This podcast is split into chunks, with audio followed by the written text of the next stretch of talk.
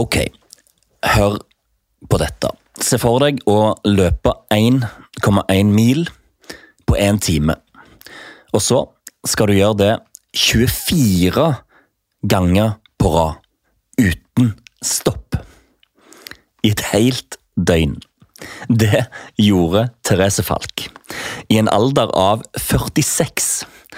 Hun løp 261 km på 24 timer. Det er lengre enn noen kvinne har gjort i Europa noen gang. Og det er det nest lengste som er gjort i verden. Og dette ble altså gjort av en ungdomsskolelærer fra Hareid, som starta å løpe i en alder av 36. Det er så mye jeg lurer på her. Hvem er denne dama? Hvor henter hun kraften fra? Og hvordan er dette mulig? Jeg gleder meg rett og slett skikkelig til å få ultraløper Therese Falk inn i studio nå straks.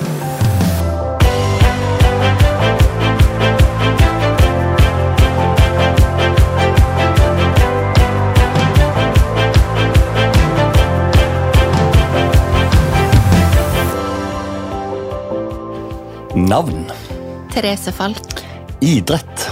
Ultraløping. Moderklubb. Hareid IL. Hareid, ja.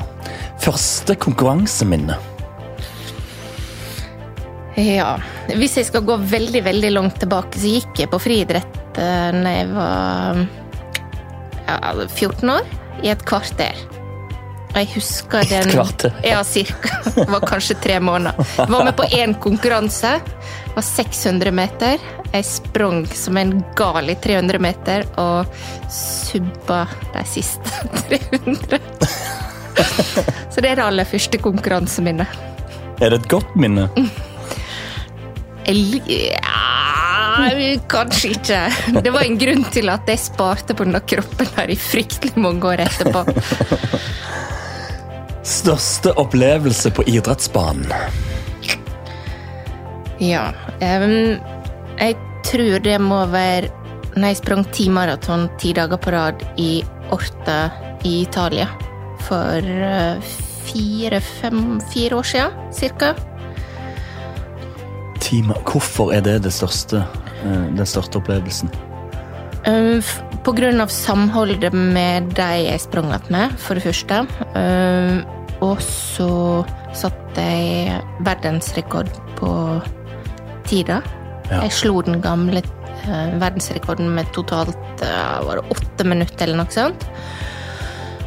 Um, men um, det var så sterke følelser involvert, samtidig så det var en ganske tøff båttur på natta en av eh, ja, en av kveldene før ene løpet. Vi sto klokka seks om morgenen, og så skulle vi begynne å springe klokka åtte. Så vi ble henta med buss klokka sju på hotellet. Så hver morgen starta løpet klokka åtte. Og ene kvelden hadde vi vært på båttur, og så blåste det opp til storm. Altså sånn at båten brukte da tre og en halv time eller noe sånt, i stedet for ti minutter, som den skulle gjøre. Og alle om bord på båten trodde de kom til å dø. Og det var ganske sterk opplevelse. Så dagen etterpå, når jeg sprang da mitt fjerde maraton på rad, da grein jeg hele maratonet mens jeg sprang. Mens jeg hørte på pompøse ballader, som jeg alltid gjør, og kjente at eh, livet var godt. Jeg lever. Oi. Tonen er satt. Hjertelig velkommen til våre vinnere, Therese Falk.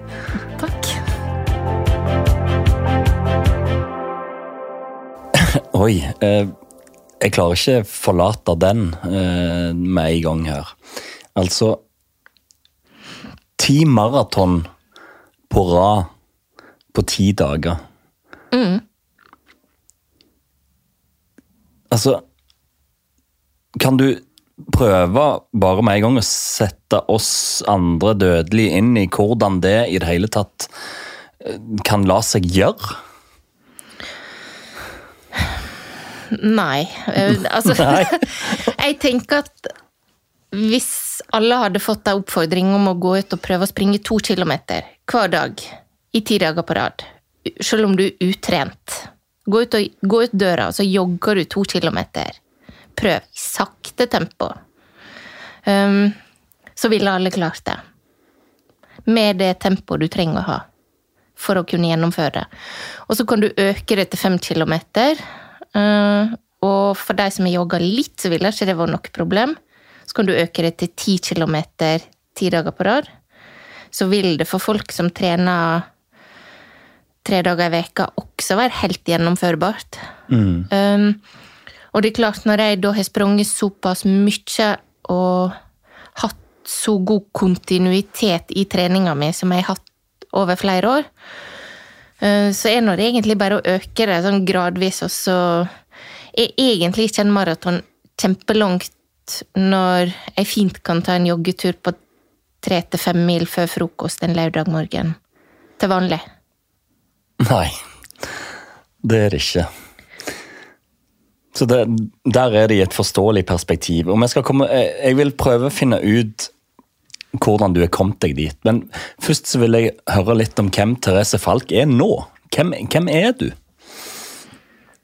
Um, ja, godt spørsmål. Jeg snakka med venninne en av mine beste venninner i går, og hun sa det hun liker best med meg Eller en av de tingene hun liker best med meg, er at jeg ikke er en idrettsutøver.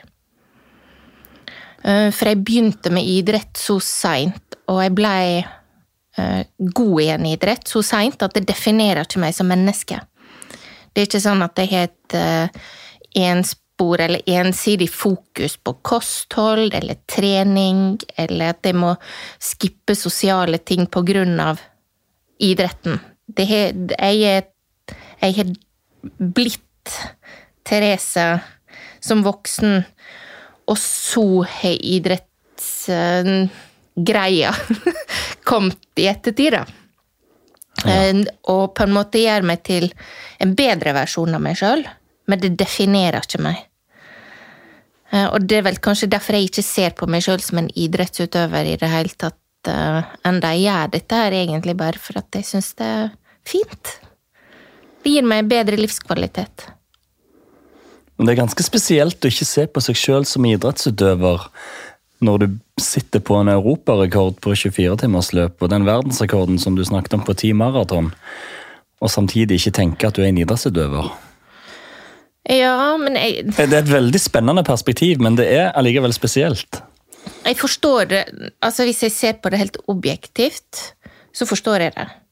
Eh, og helt objektivt så syns jeg det jeg har gjort, det er helt sjukt. Altså, det Satt og sett gjennom en del av prestasjonene mine, og satan hva jeg har vunnet! Altså, det, det var, ja, Jeg blir nå helt sånn satt ut. Det, jeg laga fotobok før covid, for da trodde jeg egentlig at Altså, når covid eh, kom, da trodde jeg at eh, nå kom jeg til å springe flere løp. Nå skulle jeg få lov til å slekke. Nå var jeg over toppen. Um, så da laga jeg fotobok, og da satt jeg og så gjennom en del av resultatene. For jeg har ikke system på noe. Jeg fører ikke akkurat en, noe treningsdagbok eller noe opplegg. Um, men Nei, jeg har vunnet fryktelig mye. Uh, men jeg har gjort det med lave skuldre, og jeg har hatt det gøy, og for meg det viktigste opplevelsene, og ikke nødvendigvis eh, prestasjonene. Men blir du allikevel trigga av prestasjon? Eh, Ja, jeg sy... Jeg, sy- jeg må nå si jeg syns det er litt kult at en sånn 46,5 år gammel fulltidsarbeidende lærer som spiser godt eh, jeg er ikke, Det er veldig mange som kommenterer at jeg har ikke akkurat løpekropp. Mm. jeg ser ikke ut som en idrettsutøver. Eh, og i Italia så sto de og målte meg i dusjen og sa 'but you look so normal'. Oi, Ja, ja og jeg ser helt vanlig normal ut. Jeg ser ikke eh, Jeg har et normalt liv. Og så kommer da idretten som en bonus. Jeg husker ikke hva spørsmålet ditt var, men kanskje jeg svarte på det. ja, det var vel om du ble trigga av prestasjon? Nei, jeg blir trigga av at um, Jeg blir trigga av å være i stand til å slå folk som jeg ser på som idrettsutøvere. Ja. Ja, det er en kul inngang. Men det du sa der om kropp, forteller det mer om de som eh, sier at you look so normal, enn det forteller om deg? Jeg Eller hva som er normalt? Og hva som bør være normalt? Ja, altså, jeg driver ikke og ligger på en sånn hårfin balansegang mellom um, det som er innafor det tillatte, uh, for å si det sånn. Det, jeg ligger ganske godt over uh, den grensa der. Uh, men jeg tror ikke jeg kunne ha sprunget så langt hvis jeg hadde drevet og hatt et veldig strengt kostholdsregime. Eh, og så hadde det tatt vekk det som gir meg glede. Men om Jeg tenker nå at jeg forstår at hvis du skal springe fryktelig fort, eh, så er det lettere når du er slank. Veldig slank. Eh, og det er klart eh, det, det kan nok trigge en del til å gå ned litt mer i vekt enn det de kanskje bør, da. Men eh, for min del så handler det mest om trivsel. Men er det vanskelig å ha, den, ha de to tankene i hodet, det med å kunne ha trivsel som ditt viktigste, eh, og samtidig ha et ønske om å løpe fort og langt? For meg er ikke det. Eh, Jeg opplever ikke det som vanskelig. Mm, Jeg tenker at eh, jeg er god så lenge jeg er god, og så sitter ultraløp sitter mye i hodet. Eh, Og du må Ja. finne motivasjon der du kan finne motivasjon, det som trigger deg. Um, og jeg, jeg lever nå et helt liv oppi hodet mitt i løpet av 24 timer. Jeg har fryktelig mange tanker. Jeg er veldig flink til å tolke og analysere og høre på pompøse ballader mens jeg luller meg inn i en eller annen fantasi. Mens jeg springer. Mm. For det at du er nødt til å fjerne fokus fra det at du skal bevege ene foten foran den andre. Og så Når du springer så langt, så blir denne repetisjonen i bevegelsene eh, og det skal nå helst gå fort, da, så du må på en måte finne en rytme som du kan holde i veldig mange timer. Mm. Uh, og uh, da må du også på en måte Du må nok Det er klart, jeg er godt trent. Det er jeg. Har ikke klart å springe så fort eh, så langt hvis ikke. Men å springe 11 km i timen 24 timer på rad um, da må du Du kan ikke tenke på du, hva du driver på med hele tida, for da blir du ko-ko. Du må få fjerna tankene, du må få fokus over på noe annet. Apropos koko, for det, det du sier der, er jo koko. Det å Altså, folk kan jo prøve sjøl å løpe 1,1 mil på en time, og så tenke at du skal gjenta det 24 ganger på rad.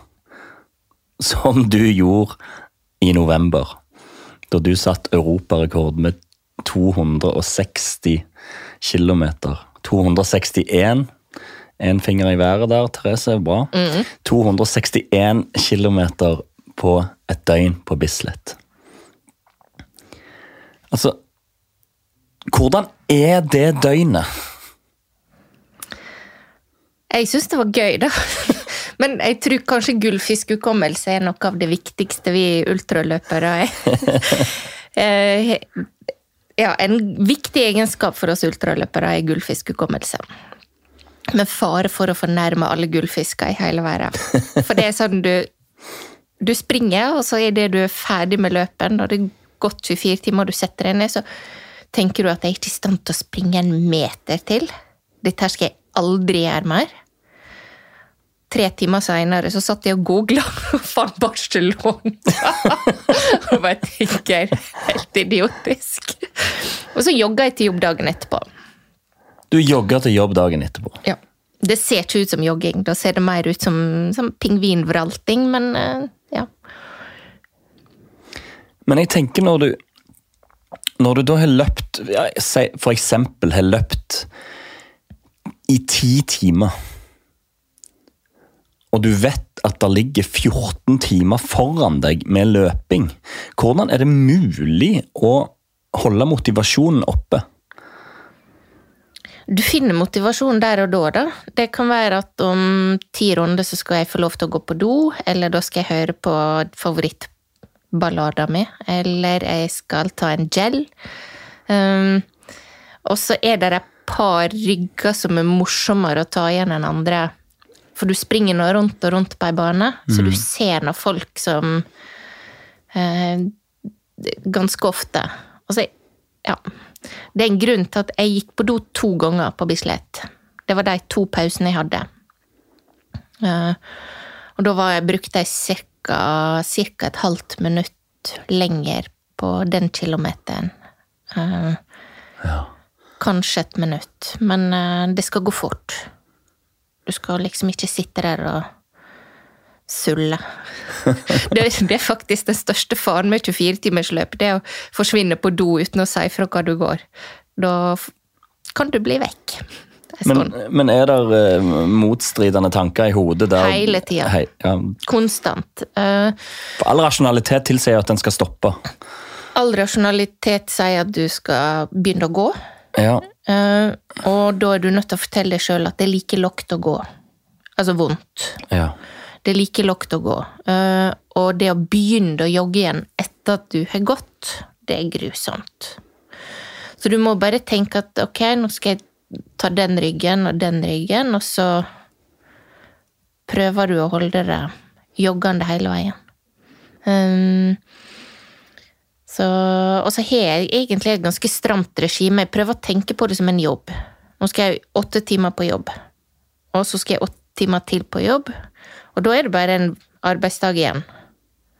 Um, og jeg har hatt kjipe arbeidsdager før der jeg har gått på jobb eh, Altså før jeg begynte å springe, hvis jeg kom litt eh, uggen etter for lange pub-quiz-kvelder. um, og du kommer litt sånn uggen på jobb og skal ha musikk og blokkfløytespilling en eh, morgen. Så jeg tenkte at ja, det er faktisk bedre å springe åtte timer på Bisletkjelleren. ja, det er jo en måte å tenke på det. For du nevner blokkfløyte, for du er jo ungdomsskolelærer. Ja, Dette var da jeg jobba på barneskolen, men, jeg, på- ja, ja. men nå er jeg på ungdomsskolen. Full tid. Mm. Hvordan er en vanlig dag i Therese Falks liv? En vanlig dag begynner egentlig dagen før. Uh, For jeg pakker alltid løpesekken dagen før. Slik at uh, å legge fram treningsklær, så jeg jogger til jobb. Da har jeg ikke noe valg. Og det, det er kanskje det smarteste valget du kan ta, det er forberedelsene dagen før. Ja. Eh, For idet jeg står opp, så skal jeg på en måte bare ta på meg treningsklærne, ta sekken på ryggen, eh, ta matpakka som jeg smurte dagen før. Jeg lager alltid kjøleskapsgraut i ei tette boks, og en, ja, to wrapper som til lunsj, og så putter jeg dem i løpesekken. Får med meg kattene ut døra, etter å ha drukket et glass vann og pussa tenner, og så jogger jeg til jobb. Hvor langt er det? Fem kilometer. Ja. Uh, og når jeg kommer på jobb, så dusjer jeg. Så spiser jeg frokost på jobb. Jeg drikker to kopper kaffe, minst. Um, og så er det å møte elevene etter svart på litt uh, e-poster, kanskje, og snakke med litt kollegaer. Uh, og så går det i ett. For det er Ja, elevene er nå der. Kollegaene er der. Mm. Eh, og det er ikke sånn at jeg sitter så mye på jobb. Det tror jeg er bra. Eh, og så får jeg energi av å være på jobben. Jeg liker det å være att med folk som er unge. Og de har en genial tilnærming til livet. De er bare fine. Altså, ungdom er dritbra. Um, så jeg får masse energi av å være der, føler jeg. Uh, og så når dagen er ferdig og jeg har gjort det jeg skal, så jogger jeg hjem igjen. Eller så jogger jeg og tar badstue før jeg jogger videre hjem igjen. Og trening i tillegg til dette, da. Hvordan er det regimet? Nei. Ja. Av og til så står jeg opp ekstra tidlig. Kan, av og til kan jeg stå opp sånn i fem-halv seks-tida for å ta et ordentlig treningsøkt før jobb. For da jogger jeg til fresh, og så er jeg på tredemølle eller trener litt styrke, og så Ja. Men øh, nei, jeg har ikke noe treningsregime. Følger ingen treningsplan. Eh, og så prøver jeg å ha langturer i helgene, og ja, kanskje litt intervaller eventuelt, eller progressive økter. Men um, jeg har grytekluter hjemme, det funker fint til kjernemuskulaturøvelser, mageøvelser, og så kan jeg gjøre hofteøvelser, det det er ikke kjempevanskelig, du må bare gidde å gjøre det. Men for å springe 261 km på et døgn, så må du jo ha lagt ned noen kilometer i løpet av et år. Mm. Hvor mye løper du i løpet av ei uke i, i snitt, da? I fjor så ble det vel kanskje 110-120. Eh, I fjor var et rekordår, men det har gått gradvis. da. Det er ikke sånn at du plutselig springer 6000 km på et år. Um, så jeg har leid på 4500 i mange år. Eller, ja. Og så har jeg veldig sjelden skade av brekk eh, eller pause. Uh, så det å ha kontinuitet, det tror jeg er det viktigste. Eh, og der er og der tenker jeg at det aller viktigste folk kan gjøre, det er å legge lista så lavt at du faktisk gidder å gjennomføre treningsøktene dine. Og hvis du Og det er derfor jeg er litt sånn kritisk til treningsprogram. For hvis jeg hadde hatt et treningsprogram som jeg hadde betalt for, og så sier det at jeg må ut og kjøre ei hurtig langkjøring eller ei intervalløkt eller terskeløkt, jeg veit ikke. Et eller annet. Um, en dag som jeg hadde hatt det kanskje kjipt på jobb. Ikke at jeg har så mange av de dagene, men det er et eller annet da, som hadde gjort at jeg, jeg hadde ikke det overskuddet som skulle til.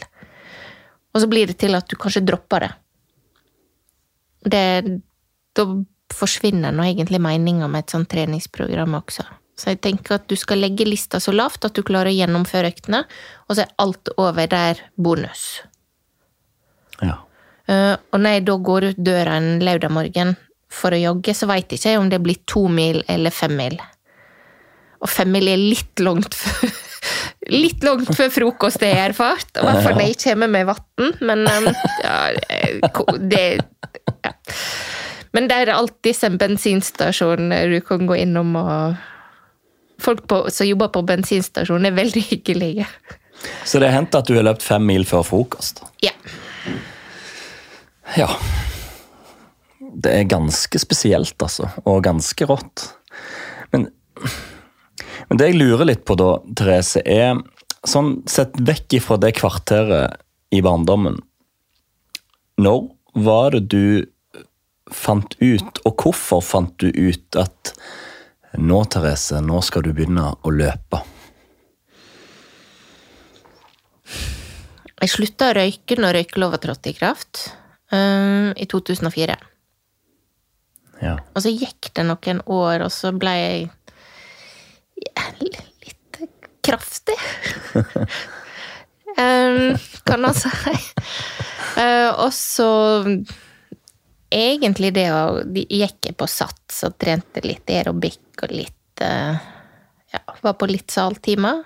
Og så av og til så sto jeg på ei tredemølle og prøvde å jogge på åtte-ni kilometer i timen. Og syntes at det var helt fint.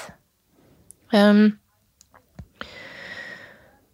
og så blei det til at det var, det var helt greit å bare jogge litt ute også etter hvert. Men da var det sånn én lyktestolpe, to lyktestolper. Det var, det var ikke voldsomme greier, altså. Uh, men i 2012, da meldte jeg meg på mitt første maraton. Uh, og da hadde jeg bytta jobb, uh, og, hadde, jeg veit ikke, jeg hadde ikke det kjempebra. Vi kan si det kort på den måten. Jeg hadde det dritkjipt, så jeg slutta i den jobben. mens jeg var sykemeldt fra den. Meldte meg på et maraton, og den mestringsfølelsen av å kunne fullføre et maraton, av å stå i smerter, um, det var den som gjorde at uh, jeg tenkte at dette har jeg lyst til å gjøre mer av. Dette var en, det var en god følelse. Hva var det det gjorde med deg? Altså, har du først Altså, kan du springe en maraton, da, tenk, da tenker jeg da klarer du alt. Det var den, den følelsen jeg hadde. Uh, og da Ja. Jeg følte egentlig at jeg var mye sterkere enn det jeg hadde følt meg på i hvert fall det siste halvåret. At jeg kunne klare mye. At jeg kunne komme meg opp av grøfta sjøl når ting er kjipt. Og det å mestre noe, det er kanskje den viktigste følelsen vi mennesker kan ha. Og så huske på at vi kan mestre noe når vi sjøl Altså når vi opplever at vi ikke klarer noe som helst og har dritkjipe dager. Så tenker jeg at jeg har superkrafta mi. Jeg kan springe en maraton. Hm. Og da er du 36? 37? Ja. ja. Så du springer din første maraton i den alderen. Men det du snakker om der, det er jo mange som bruker løping til å rense hodet, rense tankene, til å kanskje vaske vekk problemer med mental helse. Eh, var det det som var de greia i, på det tidspunktet?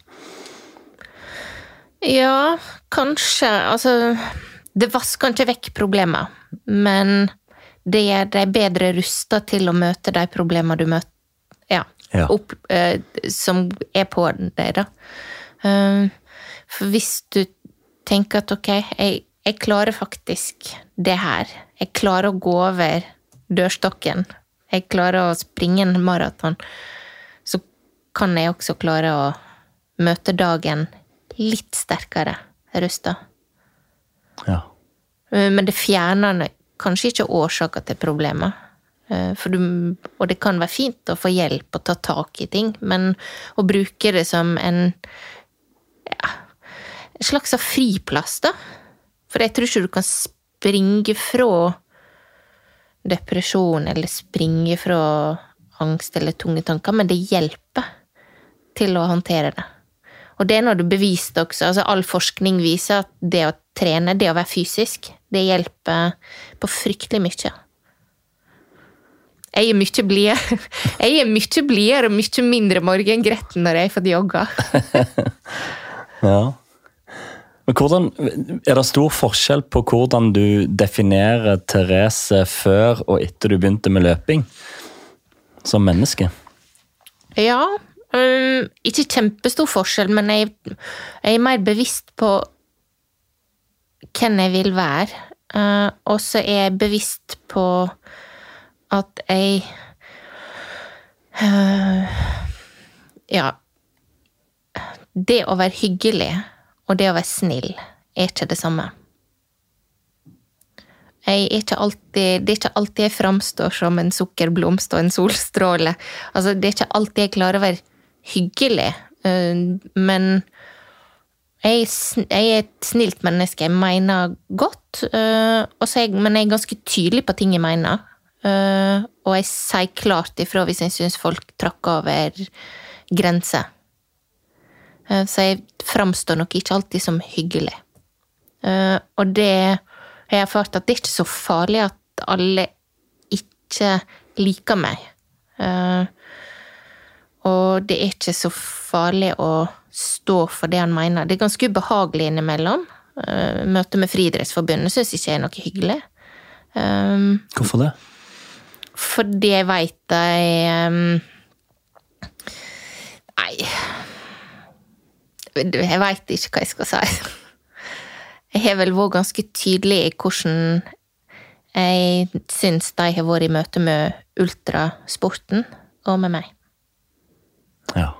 Uh, og jeg syns at svarene de har gitt, har vært nedlatende. Men det er, ikke, det er ikke farlig. Uh, det er ubehagelig. Og jeg skulle virkelig ønske at de så på ultraløping som en idrett. Eh, kanskje jeg da hadde sett på meg sjøl som en idrettsutøver, men veit ikke. Så du føler at du ikke ble tatt på alvor, da? Altså, jeg ble kåra til årets friidrettsutøver, ikke årets ultraløper, men årets friidrettsutøver i 2020, som henger ganske høyt. Og så ringer en fra Friidrettsforbundet og sier ja, den så vi ikke komme, gjorde vi vel? Oi. Og så fikk jeg et gavekort i posten på 500 kroner fra Coop. Ikke gratulerer, ingen diplom, ingen bevis på hva det var for noe. Det var et gavekort på 500 kroner fra Coop. Og det var fint, det, altså. 500 kroner, masse fiskepinner og smågodt. Men um, jeg følte på en måte ikke at eh, det var en anerkjennelse av idrettsprestasjonen. Jeg skjønner. Du sa at du hadde blitt mer bevisst på hvem du vil være. Hvem vil du være? Jeg vil være en person som jeg ønsker å Det viktigste egenskapen er å være snill. Og raus. Um, og stå for det du mener, selv om det av og til ikke alltid er hyggelig. Og så kanskje bitte lite grann naiv. Jeg liker å tro det beste om folk, og så er jeg helt bevisst på at jeg vil heller gå inn i møte med folk eh, med god tru og bli skuffa, enn å være mistenkelig.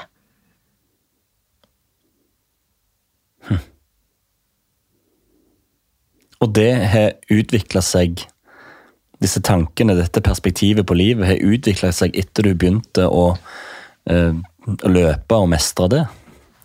Jeg blir tryggere på at det er greit å si at det er sånn jeg har lyst til å være. Um, av og til så Altså, når han ikke er trygg på seg sjøl, eller ja, Når man prøver å finne seg sjøl, så er det lett å kanskje være litt skarpere og litt tøffere og litt hardere enn det som er nødvendig. Uh, for å hevde seg sjøl, for å ikke la seg tråkke på. Uh, men um, jeg tenker at eh, Nei, jeg syns det er fint å snakke om kjærlighet, og jeg syns det er fint å føle masse, og jeg syns det er fint å vise folk at jeg er glad i dem, sjøl om det ikke alltid blir gjengjeldt. Og det er ikke Det at folk kan finne på å tråkke på meg, det sier ikke noe om min verdi som menneske, uh, tenker jeg. Er du et følelsesmenneske? Veldig. Veldig. ja. Ref det å gråte et helt maraton, som du gjorde i din største opplevelse i karrieren. Mm. Jeg, jeg starta løp med å grine før løpet kom i gang også, for det var så emosjonelt å stå igjen med folk på startstreken. Men da løper du i litt over tre timer og gråter. Ja. Hvordan er det? Jeg syns det er fint å grine. Jeg syns det er fint å føle. Sterke følelser, gode følelser. Så det å grine er ikke farlig. Eh, men det, av og til under 24-timersløp så skjer det at jeg blir så emosjonelt medrevet av mine egne prestasjoner og tenker 'fy søren, så sterk du er, Therese'. Du er så rå! Og så begynner jeg å grine av å kjenne på hvor sterk jeg er. Og sippe litt. Og så har jeg av og til overhørt folk som har stått på linje, sidelinja og sagt 'Tenk så vondt hun har det'. ja, nei. Ja, jeg forstår ikke hvordan hun kan stå i det og gråte mens hun løper. Men det er ikke derfor jeg griner. Det er jo rett og slett sjølforherligende pompøst. ja. Så ja, det Nei. Det er ikke det, Jeg liker best å smile, altså. Jeg gjør det. Men um, det, det, er ikke farlig å grine. ja. Nå skal ikke dette bli sånn som skal handle masse om grining, altså. Men eh, det er ikke farlig å kjenne på de sterke følelsene. Men hva er din sterkeste drivkraft oppi dette? Trass. Trass. Det må du forklare. Jeg tror innimellom, fordi at folk ikke ser på meg som en idrettsutøver, eller jeg ikke tenker at folk ser på meg som en idrettsutøver, og jeg ikke gjør det sjøl, så tenker jeg ofte at jeg skal vise dem at jeg som ikke er en idrettsutøver, kan klare det. Så ofte så er det den tanken 'jeg skal vise deg'. Og så av og til så sier den andre sida av meg liksom 'Hvem du skal vise, Therese? Det er ingen som bryr seg'. Og så blir det sånn 'Ja, men du skal vise deg sjøl'. 'Nei, du skal vise deg'. Og så har denne dialogen oppi hodet som Ja. Det, det, er de, det er ikke de klokeste tankene nødvendigvis når du springer 24 timer. Det er ikke stoisk filosofi, for å si det sånn. Denne trassen, jeg har sett du har brukt hashtaggen 'løp som en jente' mm. en del ganger. Eh, handler det òg om, om, å vise dem? Mm, den starta i grunnen med mm, når uh, Altså Always Ultra hadde reklame, bindreklame for eh, ti-tolv uh, år siden, kanskje. Uh, der de hadde en audition, og det var mange på ei scene som fikk beskjed om å springe. Now you can run. Og så står de og springer helt normalt på stedet. Og så sier de Now please run like a girl.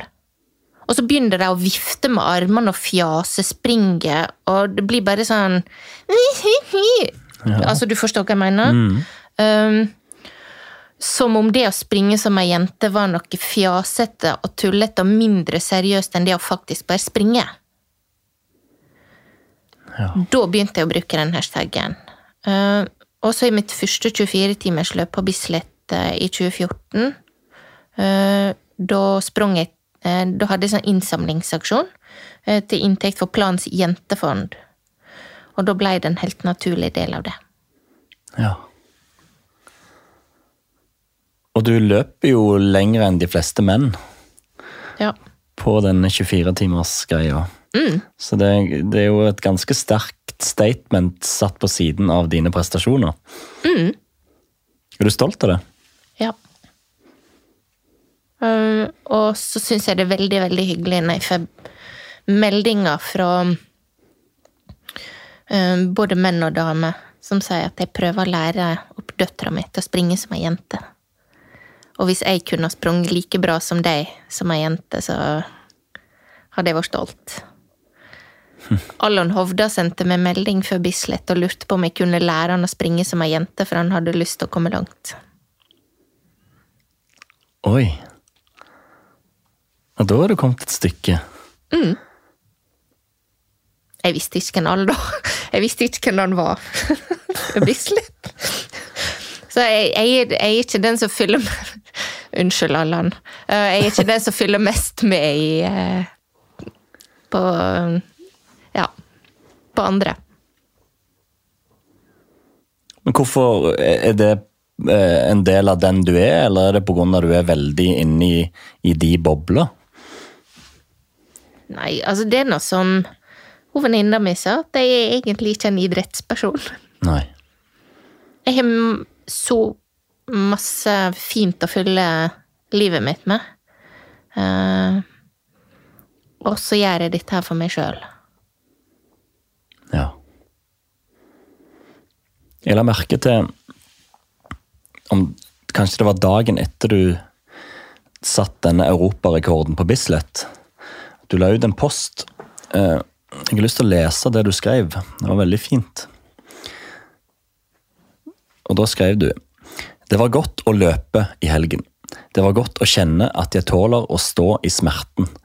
Det var godt å hvile hjernen og tankespinningen litt.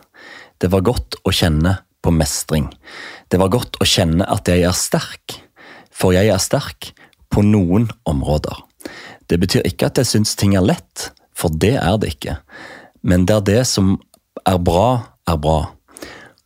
Og så er jeg sterk nok til å tåle det andre, og til å være meg selv, selv om det innebærer å vise sårbarhet og svakheter også. Nesten som et, et dikt om livet. Jeg ble litt rørt. Jeg er god til å formulere meg. Men hva er det som får deg Innimellom, innimellom er jeg god til å formulere meg. Ja, åpenbart. Ja. Men hva er det som får deg til å reflektere på denne måten etter en sånn prestasjon? Når du springer et 24-timersløp, så er det Er du egentlig gjennom et helt liv, eh, liv i løpet av de 24 timene. Du kjenner på topper, og du kjenner på bølgedalene, altså når du er nede i en dal, og du, alt blir forsterka. Eh, Og du går i grunnen gjennom det samme som du gjør Det, det er på en måte parallellhandling til livet. Komprimerte 24 timer. Um, og du Og livet er ikke bare enkelt. Uh, og det syns jeg er fint at det er så mange som snakker om nå, for det framstår som enkelt for mange på sosiale medier. Du legger alltid ut solskinnsbilder når du er på den fine skituren. Uh, og det er klart, jeg legger nå ut mange bilder der jeg syns jeg ser bra ut. Uh, jeg velger de bildene jeg er mest fornøyde med.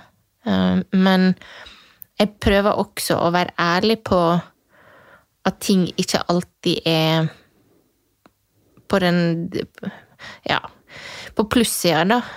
På høgda. Eh,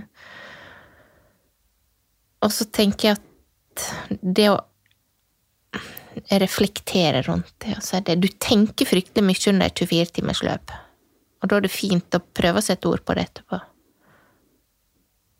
Jeg klarer ikke å være noe dypere i dag, jeg, altså. Nei, det er mer enn djupt nok. Jeg hadde eh, olympisk roer Kjetil Borch i podkasten, og han snakket om dette med mental helse, og hvordan da spesifikt idrettsutøvere at terskelen er altfor høy for å kunne snakke om at ikke hver dag er bra. Eh, å snakke om denne sårbarheten og disse svakhetene som du setter ord på her. Eh, hvorfor tror du det er så vanskelig? Der er en forventning, um, både av deg sjøl og av de rundt deg, om at du skal prestere. Um, når du stiller på løp, så skal du være sterk, du skal vinne, du skal hevde deg. Um, og det kan være lett, sikkert lett for mange å ta med seg den tanken i resten av dagene også. Eh, At du skal prestere på trening. Du skal alltid Du skal vinne hver trening. Du skal vinne hver dag. Um, kanskje. Det er Ja. en tanke. Uh, samtidig så toppidrettsutøverne har ofte ja-folk rundt seg. Eh, ja-mennesker rundt seg. Eh, som gjør at de og alt blir tilrettelagt for at de skal slippe på en måte å bruke så mye fokus på andre ting enn treninga. Så alt blir fryktelig navlebeskuende for toppidrettsutøvere. Er du med på tanken på det? Um, og jeg er ikke toppidrettsutøver. Jeg bruker å si jeg er en toppidrettsutøver, men jeg er ikke en toppidrettsutøver. Eh, og jeg tror det å ha en jobb ved siden av, og ha elever som syns det er kult at jeg har vært på Lindmo, og som så på meg eh, på tacofredagen hjemme igjen med foreldre, mm. men som egentlig bryr seg katten om jeg springer en maraton eller fem i løpet av ei uke. Eh, jeg tror det er sunt. Eh, og så tror jeg det er sunt å ha interesse utenom. Jeg tror det at jeg har et helt fullverdig liv utenom treninga, som gjør at jeg får en Jeg får eh, kanskje litt dårligere livskvalitet, for jeg blir veldig glad av å kunne jogge til jobben. Eh, Men jeg har fortsatt et godt liv sjøl om jeg ikke får jogga. Eh, Jeg har vennene mine, jeg har sosiale ting å holde på med. Jeg har de samme gode folka rundt meg. Men idet du Alt fokus er på din prestasjon og de som vinner, og du veit at du har veldig sånn begrensa tid på å vise Norge og verden at du fikser det, så er det kanskje lett å skulle bli litt hard utapå, da. Mm. Har du, har du vurdert noen gang å kutte jobben? Nei. Og, nei? Jeg tror ikke et gavekort på 500 kroner hadde funka i lengden. Jeg tror ikke det er noe idrettsstipend for ultraløpere, for å si det sånn. Jeg har fått eh, Altså, Sparebank1 på Søre Sunnmøre har nå gitt meg penger. Det er første gang jeg har fått penger. Eh, for det er Therese Falk. Altså Det er litt kult, syns jeg. Mm. I en alder av snart 47. Um, men um, det er ikke akkurat sånn at jeg kan si opp jobben. nei. Og, og så tror ikke jeg Det hadde ikke gjort meg noe bedre. Men det gir meg frihet til å gå til den kiropraktoren jeg har lyst til, eller uh, reise til uh, og til de løpa jeg måtte ønske. Men det er jo noe vanvittig, åpenbart vanvittig fascinerende med historien din. Med tidspunktet du begynte på, uh, hvor god du har blitt i den alderen du er, og uh, de tankene du presenterer her i dag, det du, uh, det du står for. Det er noe annerledes enn veldig mange av de idrettsutøverne jeg har hatt i den stolen her. Hvorfor tror du du skiller deg fra de fleste andre? Nå kaller ikke du deg for toppidrettsutøver, men de fleste andre toppidrettsutøvere, da? Det er litt som jeg sa innledningsvis, at jeg ikke er blitt preppa til det. Jeg har ikke vært idrettsutøver. Det har ikke vært noe jeg en, Det har ikke vært en del av identiteten min før jeg på en måte hadde blitt meg sjøl, landa litt i meg sjøl, da. Så det har Det har på en måte forsterka bare de sidene uh, som jeg tenker positive med meg sjøl. Ja. Um, fordi at uh, vi utvikler oss Altså, de fleste av oss ønsker å utvikle oss som mennesker uh, hele livet. Det er i hvert fall en målsetning jeg har. og så er det det som mestring, når du, når du mestrer ei Altså når, når, du finner noe som er superkrafta di Altså, jeg må nå si at det er nesten som ei superkraft å kunne springe så himla langt. Mm. Uh, da er det kanskje lettere å kunne reflektere over hva som er greit og ikke greit også. Jeg veit ikke. Uh, og så har jeg lært fryktelig mye av å jobbe med ungdom. Og jeg må si det at uh, Jack, en av elevene mine, uh, han er kanskje en av de modigste fyrene jeg veit om, for han sto som åttendeklassing foran ei relativt ny klasse og presenterte ei bok han hadde lest, og anbefalte den. Og så sier han at boka handler om kjærlighet, og jeg liker å lese og snakke om kjærlighet. Og da tenker jeg når en 13 år gammel fyr kan stå og snakke så åpent og befriende om det på den måten, og så går vi voksne rundt og er redde for å snakke om kjærlighet eller si at vi er glad i mennesker fordi at vi kanskje ikke får høre det tilbake. Så tenker jeg shit, altså, dette her skal jeg, den skal jeg ta til meg, så skal jeg bruke den sjøl. Oi. Det var fint. Mm. 261 km. Verdensrekorden er 270 km. Er det noe du tenker på i det hele tatt? Er det liksom den ultimate drømmen? Er det ultimate målet? Det høres sikkert feil ut når jeg sier nei, uh, men nei. nei. Når jeg stiller til start, så tenker jeg at målsettinga mi er å fullføre Altså holde det joggende i 24 timer. Det var det på Bislett, det var det i Hell, det var det i Skjøvde, Um, Og så får nå de resultatene stå for seg. Det er ingen i verden som har sprunget tre så lange løp eh, på under et halvt år. Um, og det er litt kult. Det er kult. kult. Det er skikkelig kult. Men uh, altså tenker jeg at det er en Ja. Jeg tenker at eh, Camille Heron er en toppidrettsutøver. Hun lever av dette her. Eh, hun trener og bor oppe i fjellene i Arizona og Ja, det er hun som har verdensrekorden. Ja. Ja. Um, men nei, det er ikke målsettinga mi. Målsettinga mi var veldig lenge 240 km. Det var drømmemålet. Uh, og i fjor så var alle tre 24-timersløpene mine over 240 km. Det er 10 km i timen i snitt. Uh, så tenker jeg at da jeg har nådd Jeg har gjort så ekstremt mye mer enn jeg kunne drømme om. Altså, jeg, jeg har prestert på et så mye høyere nivå enn jeg trodde jeg kunne være i stand til. Um, um, ja. Og jeg tenker at det er en fin ting. Og så tror ikke jeg Helt ærlig så tror ikke jeg jeg kan ta verdensrekorden som for meg nå, men jeg veit nå at jeg sprang mye i sikksakk på Bislett.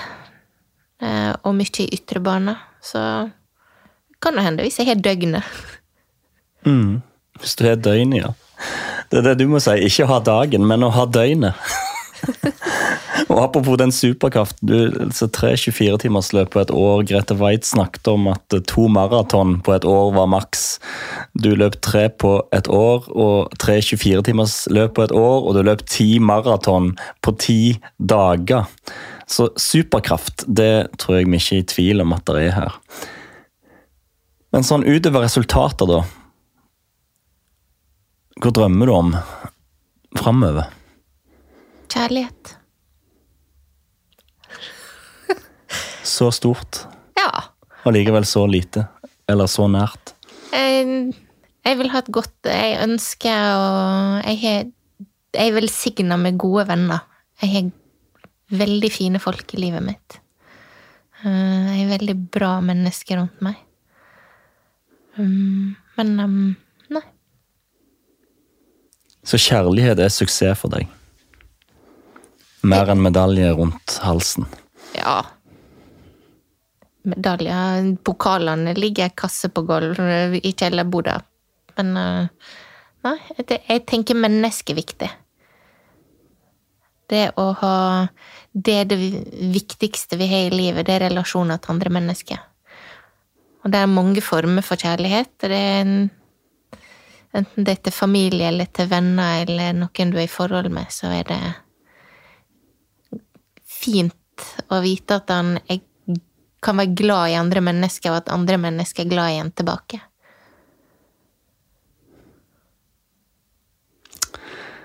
Dette var en veldig fin time, Therese Falk. Ja, Det ble ikke så veldig sånn toppidretts... Det var lite laktat og O2. Ja, ikke det herlig? Jo. For når det kommer til stykket, så handler jo ikke livet om laktat og O2. Så tusen takk for at du kom til våre vinnere. Det var en Tusen glede. takk for gode spørsmål. Ja, det var en glede, og det var lett å stille gode spørsmål til deg. Tusen takk. Takk.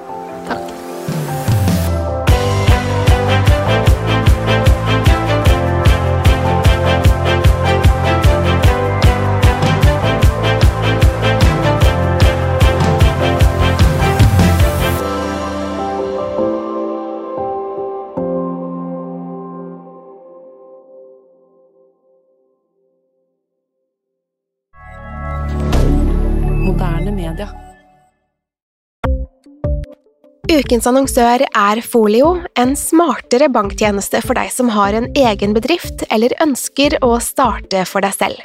Folio er en superenkel nettbank for bedrifter.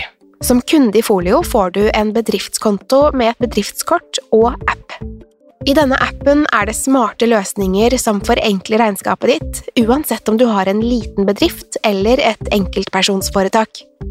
Folio er både intuitivt og brukervennlig, og er laget med et enkelt språk. I tillegg tilbyr de forutsigbare priser og ingen skjulte gebyrer. Skulle du likevel trenge det, så kan du snakke med deres raske og hyggelige kundeservice, og der får du prate med en faktisk person og ikke en chatbot. Folio er med andre ord både enklere og koseligere enn banken. Over 10 000 bedrifter har allerede valgt Folio som sin banktjeneste, så besøk folio.no og se hvordan Folio kan forenkle din hverdag også. Har du et enkeltpersonforetak eller en liten bedrift? Da er du sikkert lei av å høre meg snakke om hvor enkelt det er med kvitteringer og bilag i fiken, så vi eh, gir oss her, vi. Fordi vi liker enkelt. Fiken superenkelt regnskap.